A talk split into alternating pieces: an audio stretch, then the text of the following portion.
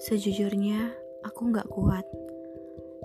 Tapi aku tetap menjalani hidup ini dengan sekuat tenaga karena aku adalah anak pertama perempuan.